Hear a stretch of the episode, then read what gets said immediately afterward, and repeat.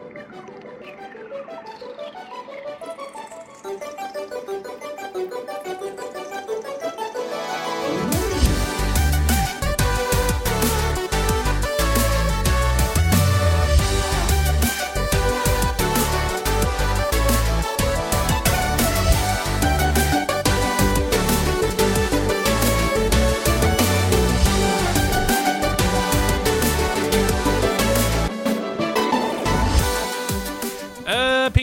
Det er en idrett.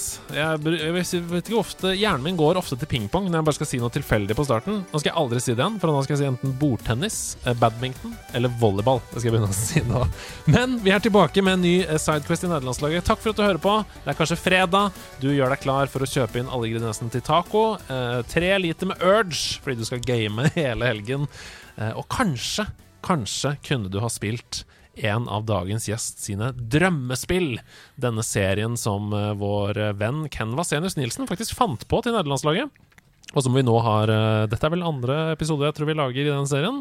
Velkommen til deg, spillanmelder i Level Up, Andreas Viking Bjørke. Takk for det. Du er litt slapp i haka i dag. Ja. For du skal ha 24 timer veldedighetsstream Ja.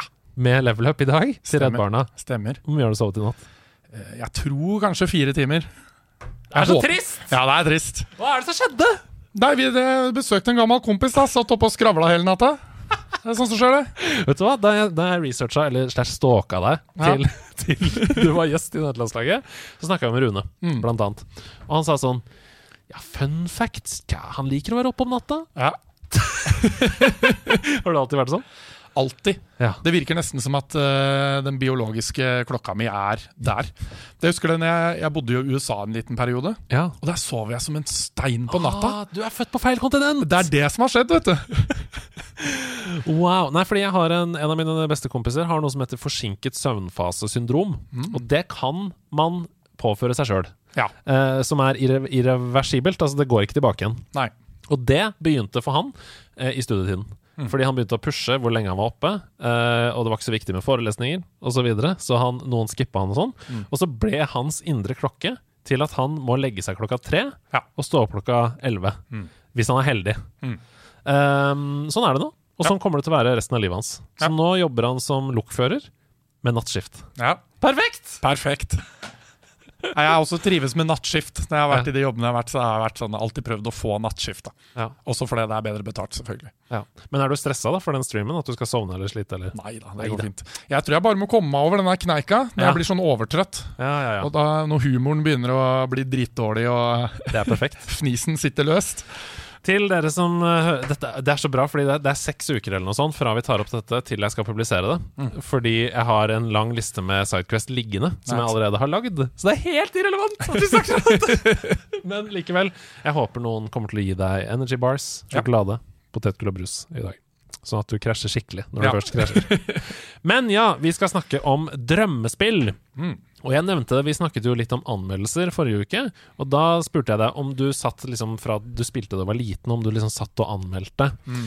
Og da du valgte deg ut denne spalten, så sa du med en gang shit, dette har jeg holdt på med hele livet. Altså drømt meg bort i, eh, i liksom spillopplevelser som ikke fins, men som jeg skulle ønske at jeg spill, kunne spille. Mm. Var det sånn på vei til skolen og sånn? At du lata som det var et spill? Og, Ja, ja, jeg er sånn fortsatt, spesielt hvis jeg hører på musikk. Ja. Og det er nok derfor jeg kanskje liker sånn Two Steps From Hell og litt sånn episk uh, musikk med symfoniorkester som er veldig sånn soundtracky, ikke sant? ja. Da setter hjernen i gang, vet du. Ja, for du har livlig fantasi? Ja, det vil jeg si.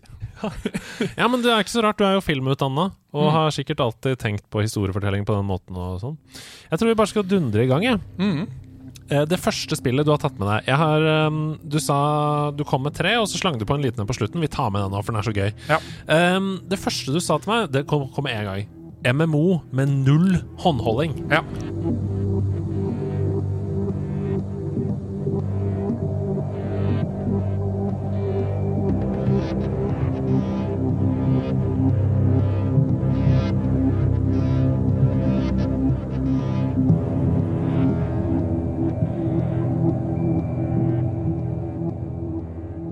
La oss bare begynne med det premisset. Hvorfor er null håndholdning viktig for deg? Det blir jo litt sånn eksperimentelt spill, da, sånn Ja, sett. ja. Men jeg ser for meg bare en stor eng Eh, promoteringa av spillet er bare Du får ikke vite noen ting. Kanskje noen små visuelle greier. Ikke hva spillet går ut på.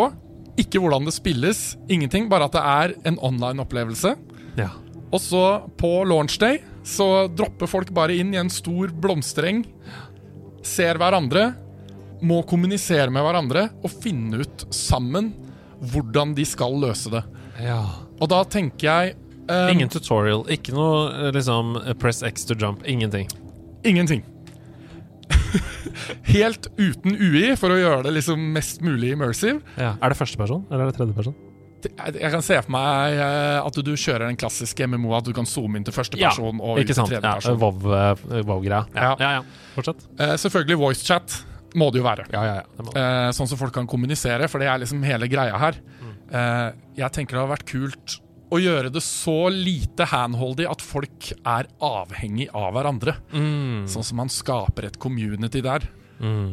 Og Ja, det er spennende. Du, for du har liksom skrevet sånn uh, En stor mystisk verden, gamle templer, konstruksjoner som hinter til en hyperavansert sivilisasjon. mm, Litt som egentlig i Starfield, da.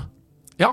Uh, for der er det også sånn at du finner templer som er sånn Wow, hva er denne teknologien? Vi vet ingenting. Og, uh, Mm. og så prøver man å finne ut av det. Ja. Men skal vi vite på forhånd hvilket selskap det er som lager dette? Eller skal man bare bli liksom dratt inn i en sånn Det kommer et kjempe-MMO? ja, det, det verste er at det kan være markedsføring som hadde fungert. Ja, det kan jo det. At det hadde gått viralt, liksom. Eh, bare med en sånn liten video. Bare 'Dette er spillet hvor du ikke får vite noen ting'. Jeg syns det har vært dritfett. Altså Det eneste som er problemet, er jo at eh, i, i nåværende Altså Sånn som scalen for dette prosjektet er, da, Ja. som jeg hører, så må det være millioner investert. Ja. Så det må være investorer som vet om selskapet og sånn. Men se for deg da at på 100 av de største spillinfluenserne over verden får tilsendt en video, liksom. Og det er markedsføringen. Man vet ikke Fra, fra krypterte mailadresser. Mm. Man vet ikke hvilket selskap det er som har lagd det. Bare du ser dette. Ja. Og bare What the fuck is this? liksom. Det sprenger over hele verden på likt. Mm. Er det kult, da? Det hadde det. Men ok, når man er i gang, du sier at man må bruke fellesskap og snakke sammen og sånn. Hvordan ser du for deg gameplay her? Hva skal skje videre? Det som skjer videre da, er jo at de begynner å utforske disse gamle templene og sånne ting. Og så finner de liksom hint, og de finner uh, artifacts og sånn som de kan ta bilde av. Og så er det kanskje noen tekster her og der som må tolkes. Eh, gjerne på et annet språk, men at det, uh, det ligger på en måte et alfabet et eller annet sted, sånn så du kan oversette det. Det er litt som Tunic. Ja, det, akkurat det ble litt som Tunic. Ja, ja som er sånn, Du må lytte til musikken for å høre hint og sånn. Men ja, fortsett. Ja. Ja. Og så må jo de spillerne selv eh, stå for det sosiale, da. Eh, sosialpolitikken. Eh, og da eventuelt lage en slags guild, da. Lage flere guilds hvor de har sånn researchrom hvor man kan henge opp bilder av artifacts og tekster de har funnet, og sånt, som andre spillere også kan komme og se på. Det er veldig fett! Ja? Som en sånn slags politistasjon, avhørsrom, liksom. ja, Bare at det er mer arkeologisk i natur, selvfølgelig. Ja, spennende. Og da kan man, hvis man finner beviser, så kan man ta det med seg. Det er, det er noen ting jeg, jeg blir redd for med en gang. Ja, ja. For det første, toxic oppførsel. Ja. Når du dropper eh, mange Altså Dette blir jo forskjellige servere da Mm. som opplever forskjellige ting, og det vil jo selvfølgelig være world firsts og sånn, hvor folk er sånn Wow, på den serveren så har de funnet den og den eh, tingen. Mm. Uh, og, så går man, og så driver det spillet framover på alle serverne. At man prøver å liksom Ja. Ja. Men, men toxic oppførsel Dette teamet som vi snakker om, må jo sitte liksom klistra på starten og bare uh, banne. Ja. Eller jeg vet ikke. Jeg føler sånne nisjespill ofte har langt mindre toxic folk. Um, godt eksempel på det. Jeg har spilt Lord of the Rings MMO. spilte jeg.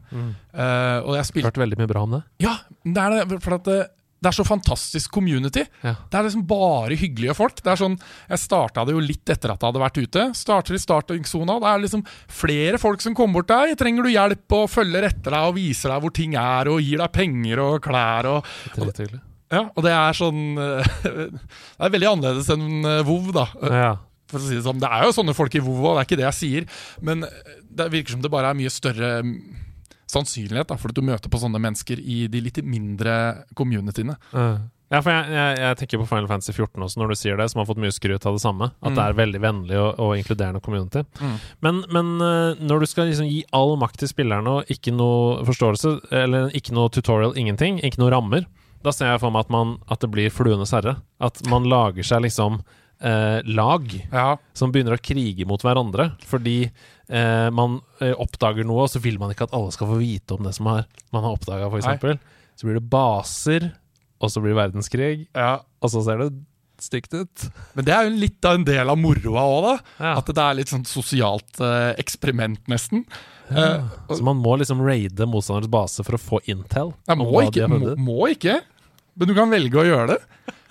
Og så er, er det jo sånn at uh, man kan jo gjennom disse templa og sånn, da Uh, Man kan jo researche teknologien og sikkert lage litt mer avanserte våpen og sånn ut ifra det man finner. Så de som på en måte gjør mest vitenskapelig forarbeid, da har de beste forutsetningene i en eventuell PVP, da, hvis det blir PVP. Det blir det jo sannsynligvis. Ja, det, blir- er det noe internett har lært meg, så er det at det blir PVP i dette Ja. spillet. Nei, men Grunnen til at jeg snakker om disse tingene, er fordi jeg tror ikke dette er så nisje som du tror. Jeg tror det kan bli kjempesvært. Mm. Så lenge markedsføringen greier å skape den hypen vi snakker om, at man har valgt seg ut Jeg tror det er en genistrek hvis man ikke vet hvilket selskap det er som lager det. Mm. Uh, og så viser det seg at det er Blizzard, liksom, eller Activision Blizzard, eller om det er uh, uh, BioWare, eller et eller annet enormt selskap. Mm. Ja. Um, det er bare 100 influensere som har vært sånn Jeg vet, ikke hva dette er, men det er helt sykt, liksom. Se på dette, da. Det ser dritbra ut, og ja. Mm. Nei, men uh, Aslak Maurstad snakka litt også om det i nederlandslaget hva gjelder mods. Ja. Så jeg, sånn, jeg skjønner ikke at ikke alle spill har mods. Hvorfor spillutviklerne selv saboterer det. Nei. For det er det som drar et spill framover. Det er sant. Um, at hele verden får lov til å delta, og det får de jo her. Ja. I denne ideen. Det, det eneste, det er jo veldig sånn eh, drømmescenario som ikke er realistisk, er hvis alt hadde vært kryptert på en måte så du ikke kunne ta det ut av spillet. At du ikke kunne ta screenshots eller video eller noen ting Wow. ut av spillet. Så, så all informasjonen du finner i spillet, er låst til spillet. Det burde ikke være umulig. Altså for den gemene hop, da, i hvert fall. Hvis du Mhm. prøver å ta screenshots av eh, TV2 Play Ja. mens det er fotball Premier League, liksom, eller Viaplay, da, eller prøve å ta skjermopptak på iPaden din, liksom, Mm. så blir jo hele videoen svart. Ja. Eller skjermbildet blir bare svart, Ja. selv om du har tatt skjermbilde av fotballen. Mm. Så det bør være mulig. Men der mister du streamer, eh, streamerne og eh, markedsføringa sånn sett, da. Ikke hør på noe av det jeg har sagt. Den dummeste ideen ever. Det må, det må komme ut! Det må komme ut på en eller annen måte. Det er det som er så vanskelig, for da får du ikke holdt på informasjonen. Ja. Men jeg, jeg tror det da, da er på en måte den eneste utfordringen at man går tom for hemmeligheter. da Altså man går tom for innhold, Ja. på en måte. Fordi jeg tror at noe av suksessfaktoren her er det der at eh, nå har noen i Frankrike funnet noe som ingen andre i verden har funnet, og så Mm. sprer det seg poh, som ild i tørt gress, liksom. Ja. Og så er det noen på Island som finner noe annet, poh, så Ja. sprer det seg. Det tror jeg er helt sånn sjuk faktor. da Det er Ja. nesten det de prøvde litt med The Secret World. Ja, det er vel litt sånn inne på samme tankegangen, tror jeg. At man tar Hva om alle konspirasjonsteorier var sanne? Ja, Det er et fantastisk konsept. Ja, det er kjempegøy! Nei, men fy søren, et MMO altså, hvor det er opp til spillerne å finne ut av hva som har skjedd. Ja. Ser du for deg dette som game as a service? At det skal fortsette å komme nytt innhold hele tiden? Det må gjøre det i sånne type MMO-er, ellers så dør det jo ut. Mm. Men jeg tenker i utgangspunktet at det er så massivt at det tar litt tid. da. Men eh, folk overrasker jo alltid. Det er jo helt vilt hvor fort folk på en måte finner absolutt alt. Mm. Ja. Det er kjempespennende. Jeg er ikke noe særlig MMO-fyr i det hele tatt. Jeg har spilt uh, WoW Classic opp til et visst nivå. Jeg har spilt uh, WoW for å få et skin i Heartstone. Ja. Uh, et mage-skin. Men jeg syns dette høres gøy ut. Mm. Fordi jeg er svak for sånn ARG. Altså spill som også har noe å si for virkeligheten. Mm. Det er jeg svak for. Ok, Det neste spillet i din Mitt drømmespill-spalte, det er rett og slett et single player open world rollespill, altså et RPG, mm. som er satt i en postapokalyptisk steampunk-verden, hvor det er kun skyene som er beboelige, det er svevende byer osv. Ja.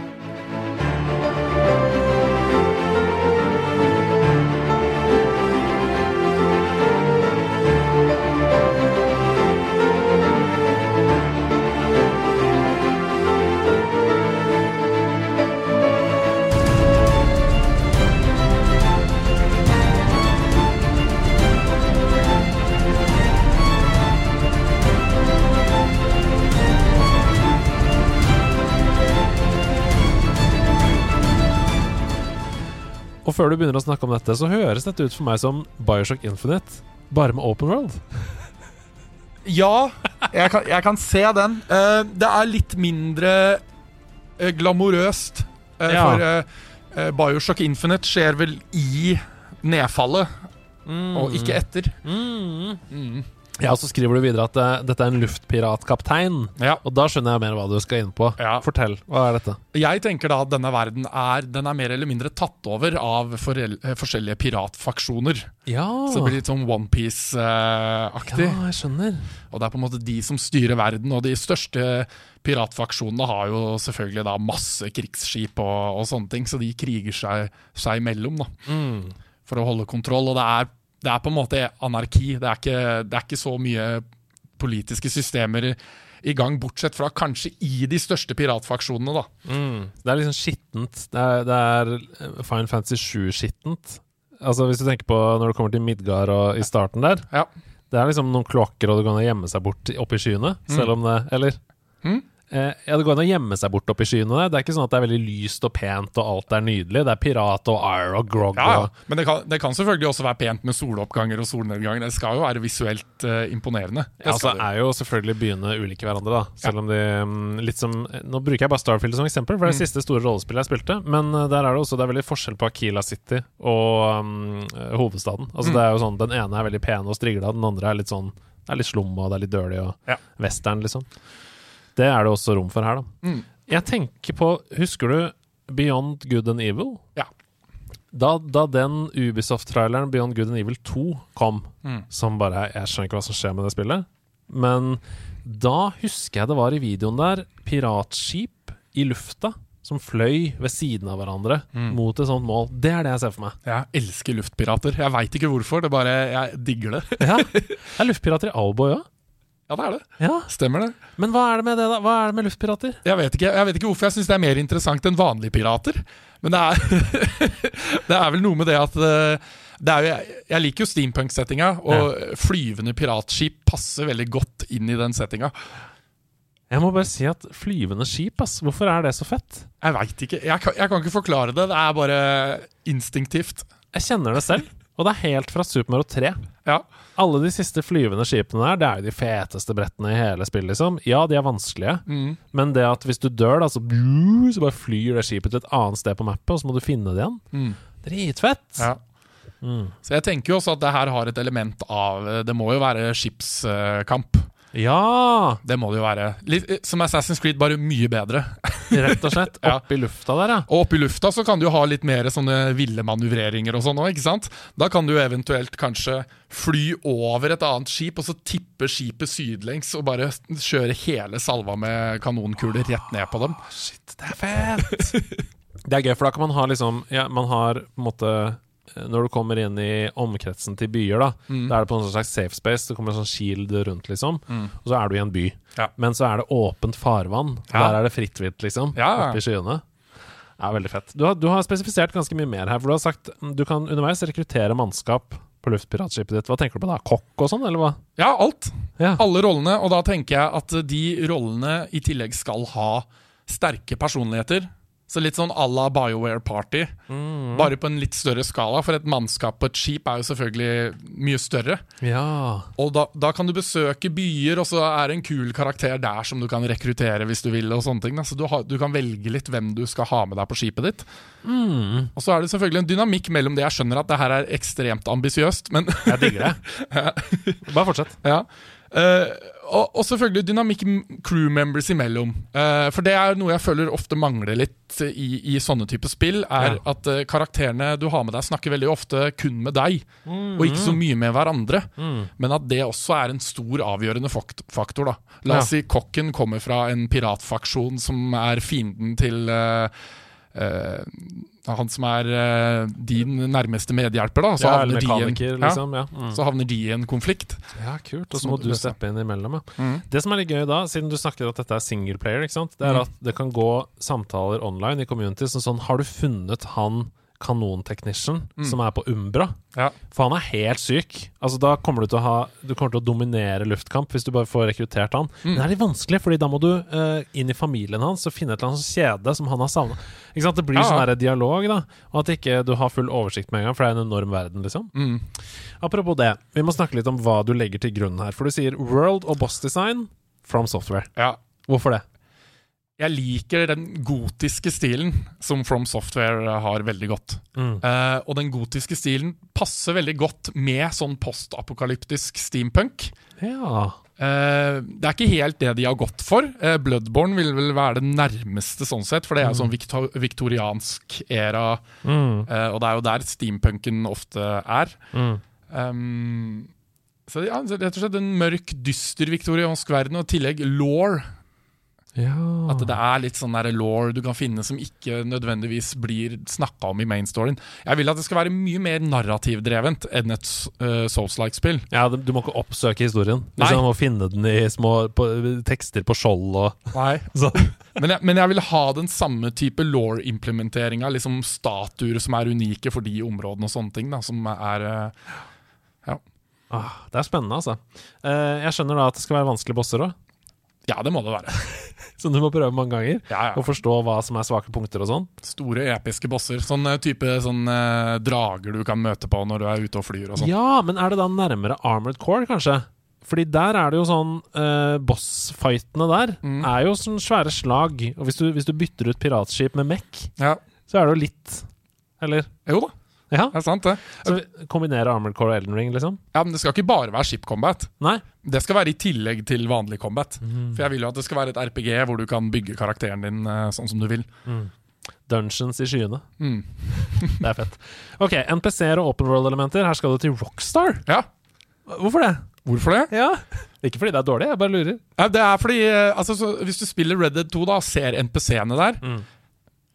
Jeg tror ikke jeg har spilt et bedre open world-spill med tanke på eh, hvor ekte NPC-ene føles. Eh, hvor de går rundt og Det er ganske sjukt i Red Dead hvis du begynner å vandre etter en vilkårlig person i byen, og han går rundt og hilser på de andre i byen og, og sånne ting. Mm. Jeg vil liksom ha den type innlevelse da når du er i de store byene og sånn. At det føles ut som en ekte Ekte by som folk faktisk lever i. Mm. Ja, det er fantastisk. Det er, jeg er helt enig der. De var veldig dyktige. Mitt, min utfordring med NPC-en i Red Dead 2 var at jeg kjøpte veldig det du sier, at de er ekte mennesker som forholder seg til uh, hverandre på Ja. en kjempebra måte. Men de var veldig gaming i måten de forholdt seg til deg, syns jeg. Jo. Fordi eh, i, i en liten Sidequest, eksempel, så er det et uh, munnspill Mm. som du skal finne og levere til noen. Og så ser jeg en fyr da som sitter og spiller munnspill et sted, og så tenker jeg sånn Ja, men da kan jeg ta det munnspillet. Og så har jeg veldig begrensa måter å det er, ikke, det er ikke New Vegas, liksom. Jeg Nei, kan, det er jo bare greet and antagonize-funksjoner. ja. så det er litt sånn, sånn, og så er det sånn Ja, etter masse fram og tilbake, da dette var det Naked Jakey som snakka om på YouTube, så kanskje han, han ender opp med å drepe han, da. Mm. Så kan han ikke plukke opp munnspillet. Nei. Det bare ligger der. Og så er det sånn Å ja, det var et spesifikt munnspill som er bare en marker et annet sted. Ja. Så, men, men jeg skjønner hva du mener. At måten de oppfører seg på Jeg, jeg tror bare jeg ønsker meg at de karakterene, da hvis det skal være Rockstar her, skal Ja. forholde seg til deg. Eh, i, og det er veldig ambisiøst, da, men på mange tusen forskjellige måter. Yes. Måte. ja altså, når det er drømmespill, så er det drømmespill. Ja, deilig! Yes. Larian på manus. Ja. Hvorfor det? Jeg syns Larian skriver, eh, skriver godt. Jeg syns uh, Baldur's Gate 3 er et veldig godt eksempel på at de skriver gode companion-karakterer. eh, med liksom en bakgrunn og, og ting du bryr deg om. Da. Altså Du ender opp med å bry deg om dem. Og, Mm. og de har eh, Flere av de har også veldig en god karakterutvikling. At de er litt sånn at Du hater dem litt i starten, men så kan de vokse på deg, og, og så kan du på en måte være med å forme de og manipulere de holdt på å si, til å ha de samme idealene som det du har. Da. Ja. Og det er jo litt en del av greia, for du er jo en kaptein. Ja. Du skal jo ha den der karismaen, den der, de sosiale evnene. Det føler jeg på en måte må ligge til grunne uansett for at det her skal funke. At Mm. det ikke er et stat-valg på starten nødvendigvis, men du er en, en person som folk naturlig blir dratt til. Da. Du er en ledertype, ja. og derfor så kan du lett påvirke idealene til de andre karakterene. Dragonborn, liksom. Ja. Nei, jeg, men vet du hva, jeg er helt enig. Jeg synes, um, jeg prøvde bare å være djevelens advokat. Jeg, jeg føler at det ikke kunne vært noen andre enn Larian som har skrevet dette. Det var, eh, alt de har skrevet, syns jeg er dritbra. I Mm. hvert fall det jeg har prøvd. Så har du Hidio Kojima, da, som regissør for cutscenes. Yes. Du skal ha tre kvarter, du, med film midt inne i spillet. Nei, ikke nødvendigvis. Death Stranding. Det, det, det, ja. Jeg liker Death Stranding. Jeg ja, jeg jeg elsker det. Men uh, ja, dette er det kanskje den jeg er mest usikker på, okay. sånn, i, sånn i retrospekt. Det kan være at um, jeg er veldig glad, sånn som de gjør det i Cyberpunk og Half-Life, Ja. at, at dialogen foregår, at de går foran deg og setter seg og lener seg på ting og plukker opp ting, men, mens du kan gå rundt og gjøre hva du vil. Jeg syns det er veldig immersive, egentlig. Ja, det er sånn Borderlands også, egentlig. Ja. Uh, lite cutscenes og mye sånn Man forteller deg noe mens du kan gå og lute litt ting, og eh, ja, at historien fortelles på den måten. Da. Jeg liker jo det veldig godt. Eh, men jeg liker jo cutscenes også. Så man, man kan jo ha Altså Cyberpunk har jo begge deler, Mm. Og det kan du jo ha her også. At det kan skje store skripta, kule, episke events utenfor uh, cutscenes. Egentlig så mye som mulig. Mm. Men i de mer um, personlige og intime uh, karakterinteraksjonene, Mm. så er det fint at om kameraet kommer litt tett på, og at det er litt mer regissert. Nei, fantastisk. Eh, nå kom jeg på noe jeg hadde glemt å spørre om. Jeg tenker jo at jeg skal sette inn litt musikk før vi begynner å snakke om hvert av disse spillene dine. Så hvis vi hopper tilbake eh, By the magic of editing, så kommer dere nå til å ha hørt denne musikken eh, tidligere, men nå bare etablerer vi det. MMO-et med null håndholdning, hva slags type musikk? Er det fantasymusikk, eller hva slags type musikk er det der? Det er jo en, en type sci-fi fantasy-setting, Ikke sant, ja. så Men jeg tenker den det kler nok det spillet best å gi litt sånn eh, følelse av eh, isolasjon og ensomhet. Så litt sånn Breath of the Wild-aktige vibes. Ja, litt sånn eh, minimalistisk musikk, men med kanskje litt sånn fremtidsaktig framtoning. Litt metallisk, sci-fi Destiny-aktig. Noe sånn romskip, skyting Mm. Følelse, da, men minimalistisk. Ja. Kult. Og gjerne med litt sånn pompøs musikk som eh, oppstår når du oppdager et nytt tempel, eller går inn i et nytt tempel. At det da blir litt sånn sweeping orchestra som Ja. eh, drar det litt opp. da Ja, jeg skjønner. Ok, da har vi etablert det. Det har dere hørt allerede, for det har jeg gjort i klippen. Mm. I spill nummer to, dette magiske pirat-RPG. Ja. Hva slags type musikk her? Her uh, kjører vi litt mer Hans Zimmer, eh, Pirates of the Caribbean-musikkstil, tror jeg. Uh, eller både og, for det skal jo også være dystert. Ja. Men i liksom når det er luftskip som skyter på hverandre, og det er liksom høyt tempo, da passer det med litt sånn dun, dun, dun, dun, dun, dun, dun, Ja, ja. dun, Ikke sant? Vi skal den veien, Ja, Mm. Men uh, i de mer stille, utforskende delene så eh, skal det også være litt minimalistisk der. Ja. Når du går gjennom disse, de gamle ruinene til de ødelagte byene og Mm. sånne type ting. da Men det er unektelig pirattema på dette spillet. Ja, Det er det ikke tvil om. Ja, ok, Så da, da må vi ha litt piratelementer inn i musikken. Ok, det tredje spillet som du har tatt med deg i mitt drømmespill. Ja, Da er vi fortsatt i Du liker disse MMO-RPG-tingene, altså? jeg gjør det. Jeg er svak for det. Jeg er svak for det. Dette er rett og slett bare The Game to End All Games.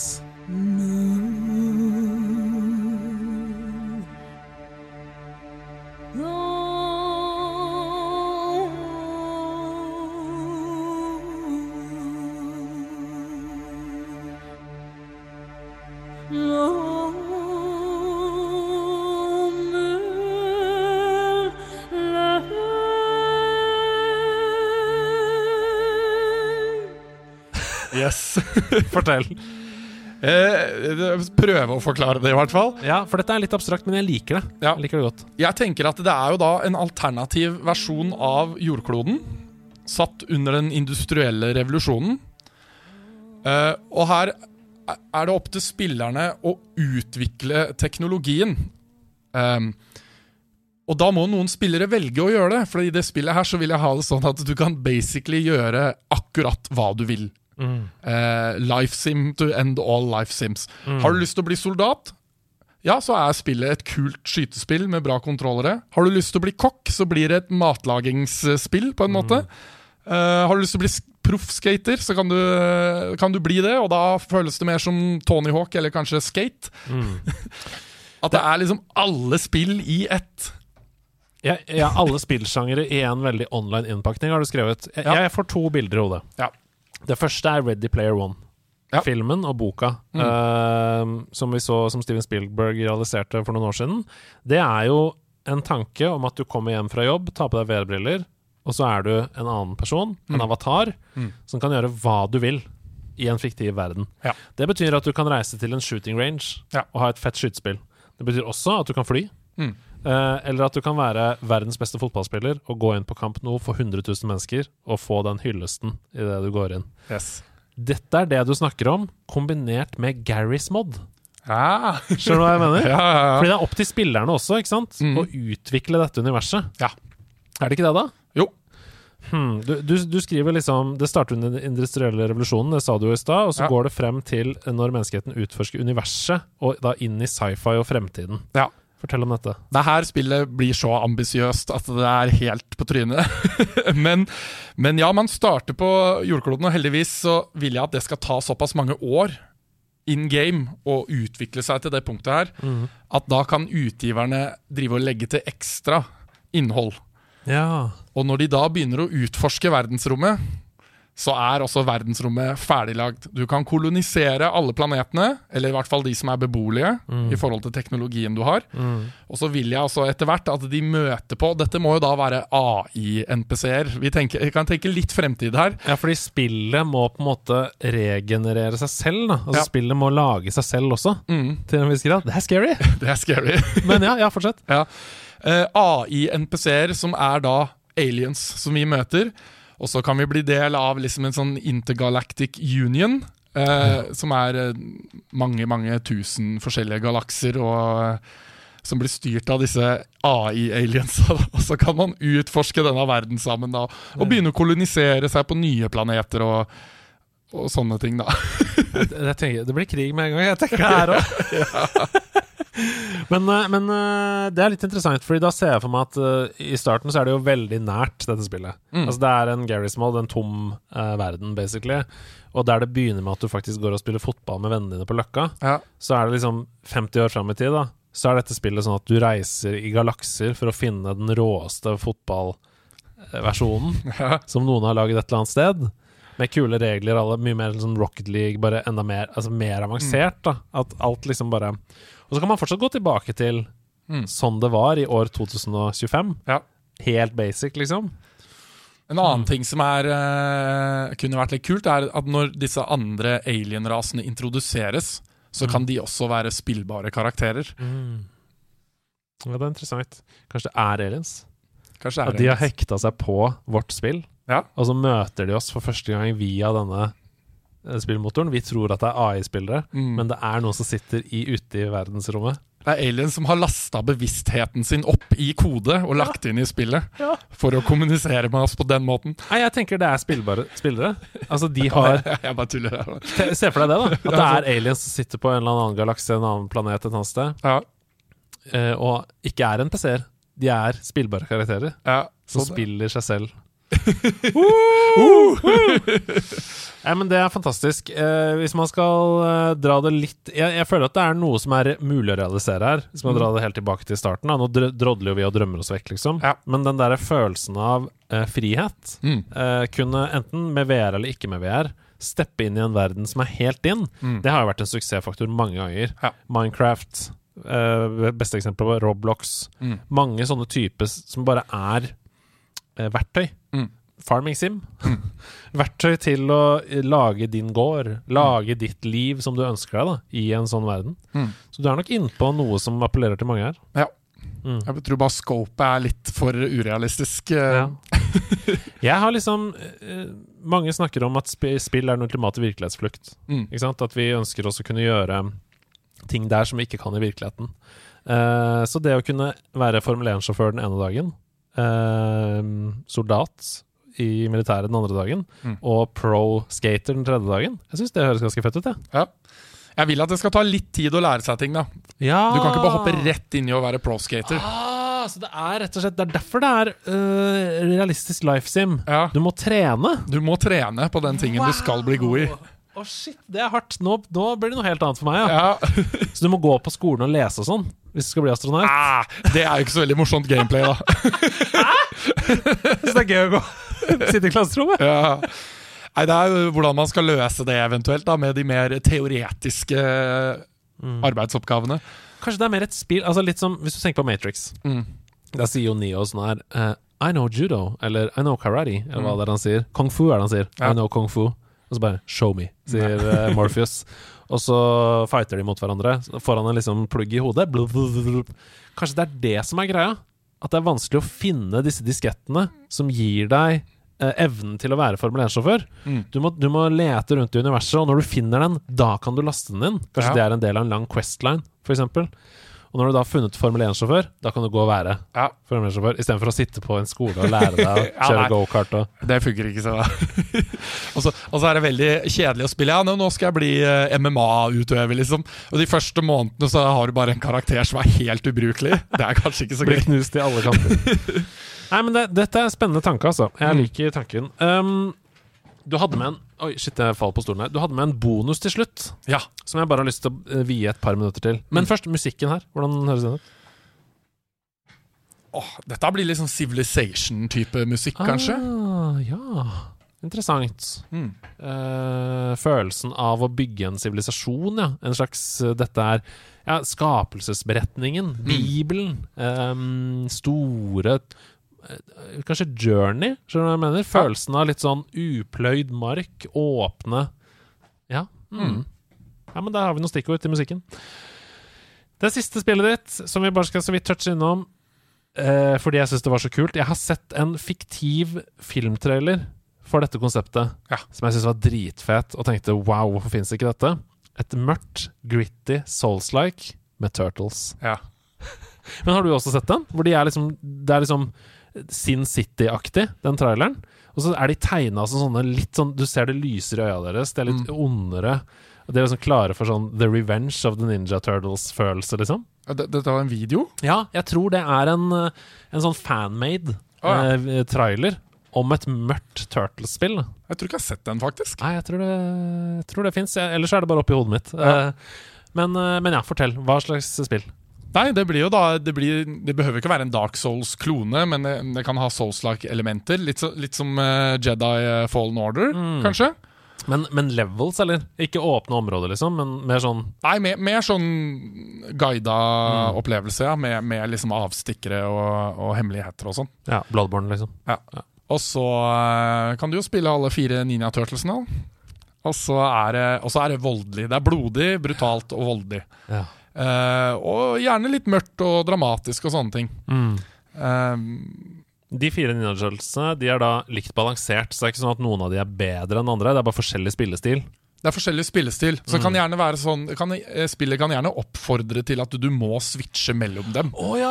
Sånn så at noen bosser er veldig mye bedre med f.eks. Ah. Donatello, da, fordi at han har lengre reach med bostaven sin. Så du har et tag-team, rett og slett, hvor du tagger inn og ut de forskjellige turtlesene? For jeg så for meg at man, hvis man velger helt på starten, så har man på en måte fire måter å spille spillet på. da Mm, For det er fire forskjellige turtles, og de er helt ulike hverandre. er sånn, ja. Uh, sånn at spillopplevelsen av å velge, litt som i Skyrim, Stealth Archer er noe Mm. annet enn en mage, liksom.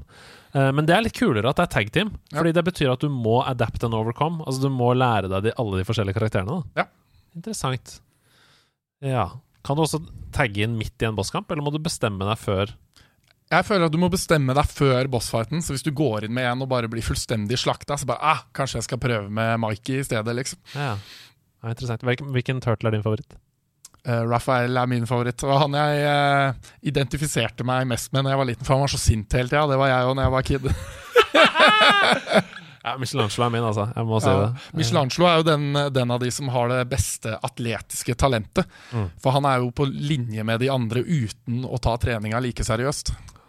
Typisk meg. Ja. Nei, det, det er ikke typisk meg. Nei.